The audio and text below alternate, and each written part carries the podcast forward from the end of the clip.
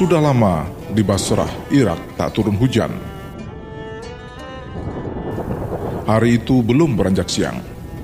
Terik matahari mulai terasa dan angin musim kemarau berhembus. Angin kering padang pasir menerpa wajah orang-orang dengan sangat keras. Mereka mulai kesulitan mendapatkan air.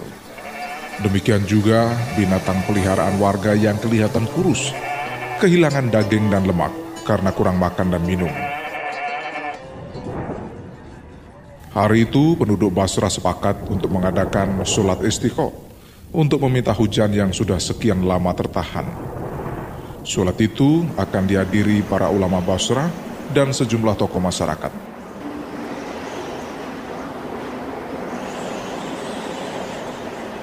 Sholat akan dipimpin oleh salah seorang ulama pilihan, di antaranya para ulama yang sudah hadir adalah Malik bin Dinar atau As-Sulaimi, Sabit Al-Bunani, Yahya Al-Bahka, Muhammad bin Wasi, Abu Muhammad As-Sikhtiani, Habib Abu Muhammad Al-Farisi, Hasan bin Abi Siman, Utbah bin Al-Hulam, dan Soleh Al-Muri.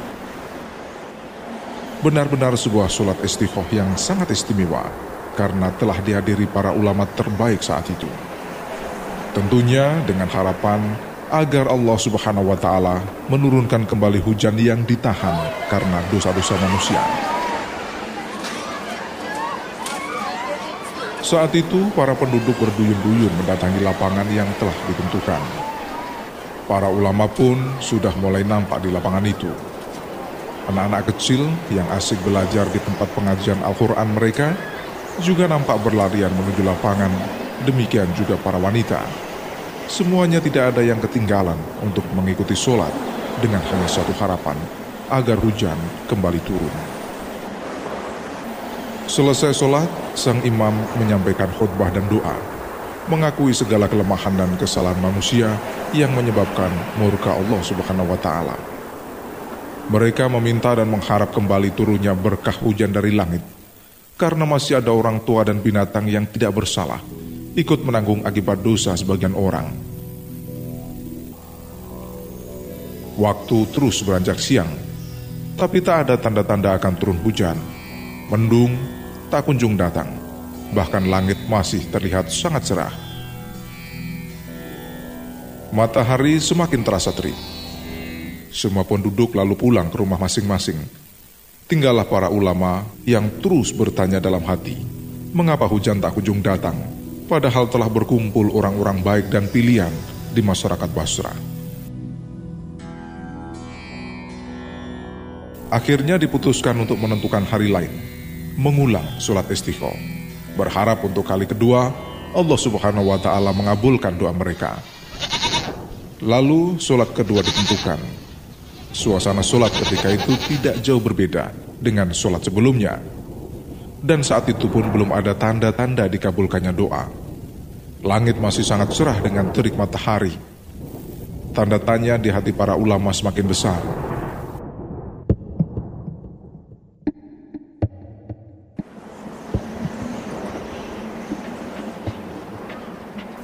Akhirnya menyusul dilaksanakan sholat istiqoh yang ketiga. Persis seperti yang pertama dan kedua, hujan masih tertahan, entah karena apa. Tanpa jawaban, seluruh penduduk dan ulama akhirnya seperti putus asa. Tidak tahu kapan musim kering berlalu.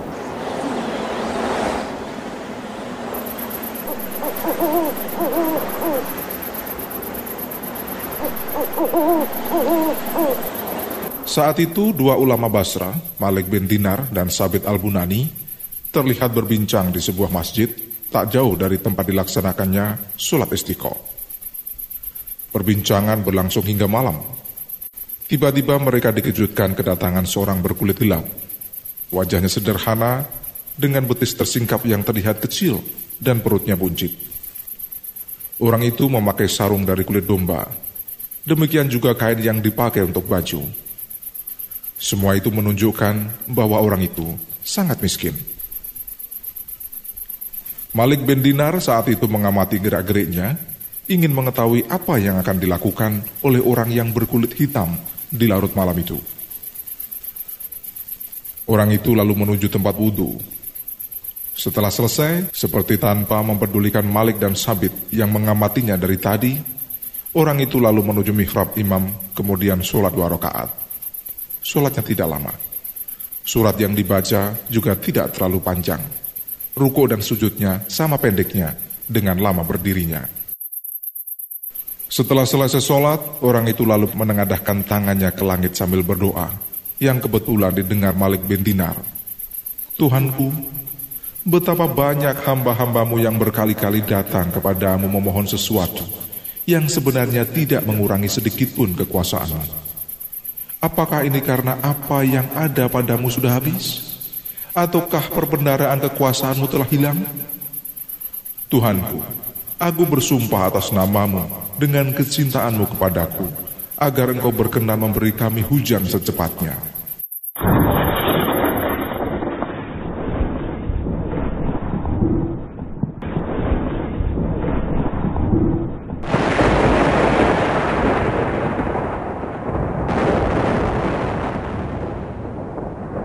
Belum lagi dia menyelesaikan doanya, angin dingin berhembus.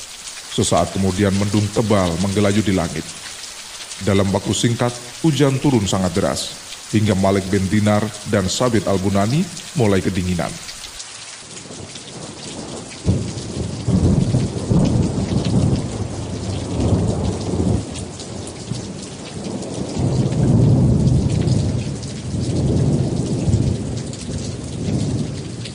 Ulama besar sekelas Malik bin Dinar dan Sabit al-Bunani hanya bisa tercengang melihat orang hitam itu. Mereka berdua menunggu hingga orang itu selesai dari munajatnya.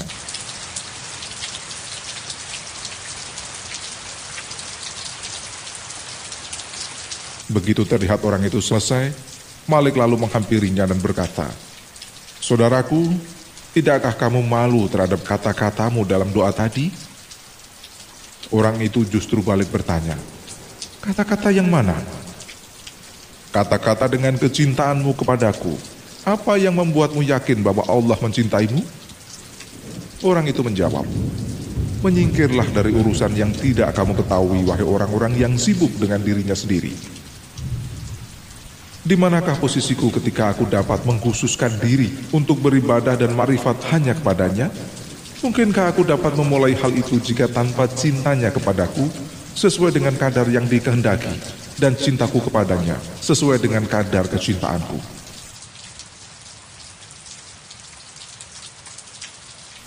Setelah berkata seperti itu, orang hitam itu pergi begitu saja dengan cepat. Malik bin Dinar dan Sabit al-Bunani memohon, Sebentar saudara, semoga Allah merahmatimu, aku perlu sesuatu.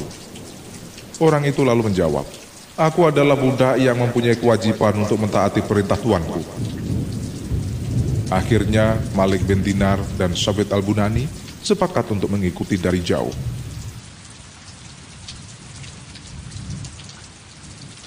Ternyata orang itu memasuki rumah seorang yang sangat kaya di Basrah, bernama Nahos. Malam sudah sangat larut. Malik dan Sabit merasakan sisa malam begitu panjang karena rasa penasarannya untuk segera mengetahui orang itu di pagi harinya.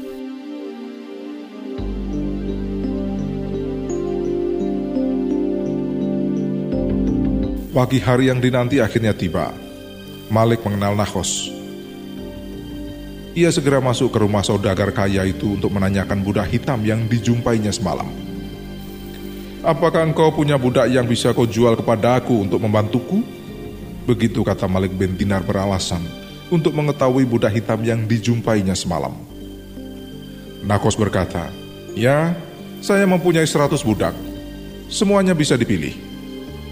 Lalu Nakos mengeluarkan budaknya satu persatu untuk dilihat. Sudah hampir semuanya dikeluarkan, ternyata Malik tidak melihat budak yang dilihatnya semalam. Apakah masih ada yang lain? Tanya Malik masih tersisa satu lagi. Begitu jawab Nakos. Saat itu, waktu mendekati waktu duhur, saat istirahat siang para budak. Malik lalu berjalan ke belakang rumah menuju suatu kamar yang sudah reot. Di dalam kamar itulah Malik melihat budak hitam yang dilihatnya semalam, sedang tertidur lelap. Nakos, dia yang saya mau. Ya, Demi Allah dia. Begitu kata Malik bersemangat. Dengan penuh keheranan, Nahwas berkata, Wahai Abu Yahya, itu budak sial. Malamnya habis untuk menangis dan siangnya habis untuk sholat dan puasa. Justru untuk itulah aku mau membelinya. Begitu kata Malik. Melihat kesungguhannya, Nahwas lalu memanggil budak tadi. Dengan wajah uyu dan rasa kantuk yang masih terlihat berat, budak itu keluar menemui majikannya. Nakos berkata kepada Malik, Ambillah terserah berapapun harganya, agar aku cepat lepas darinya, karena dia budak yang paling sial. Malik bin Dinar mengulurkan 20 dinar sebagai imbalan atas harga budak itu. Siapa namamu? Begitu tanya Malik yang sampai detik itu pun masih belum mengetahui namanya. Budak itu menjawab pendek, Maimun.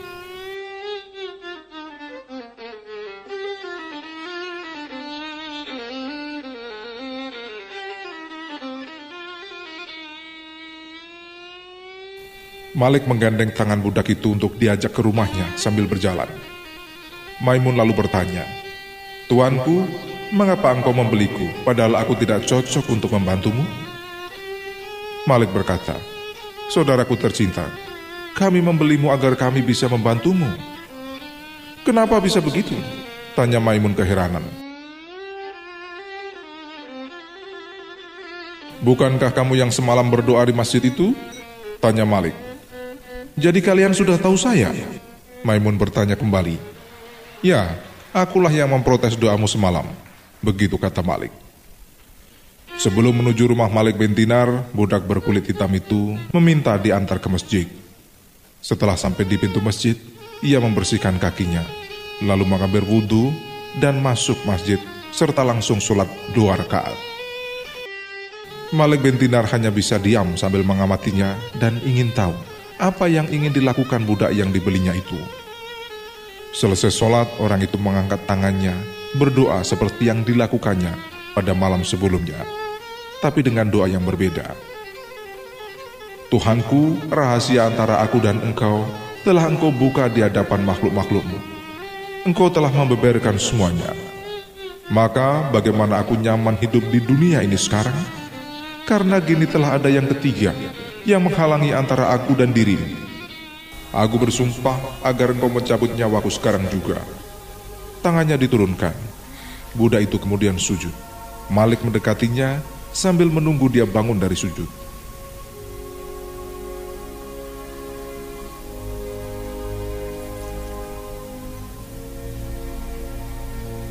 Tetapi setelah lama dinanti, tak juga budak hitam itu bangun.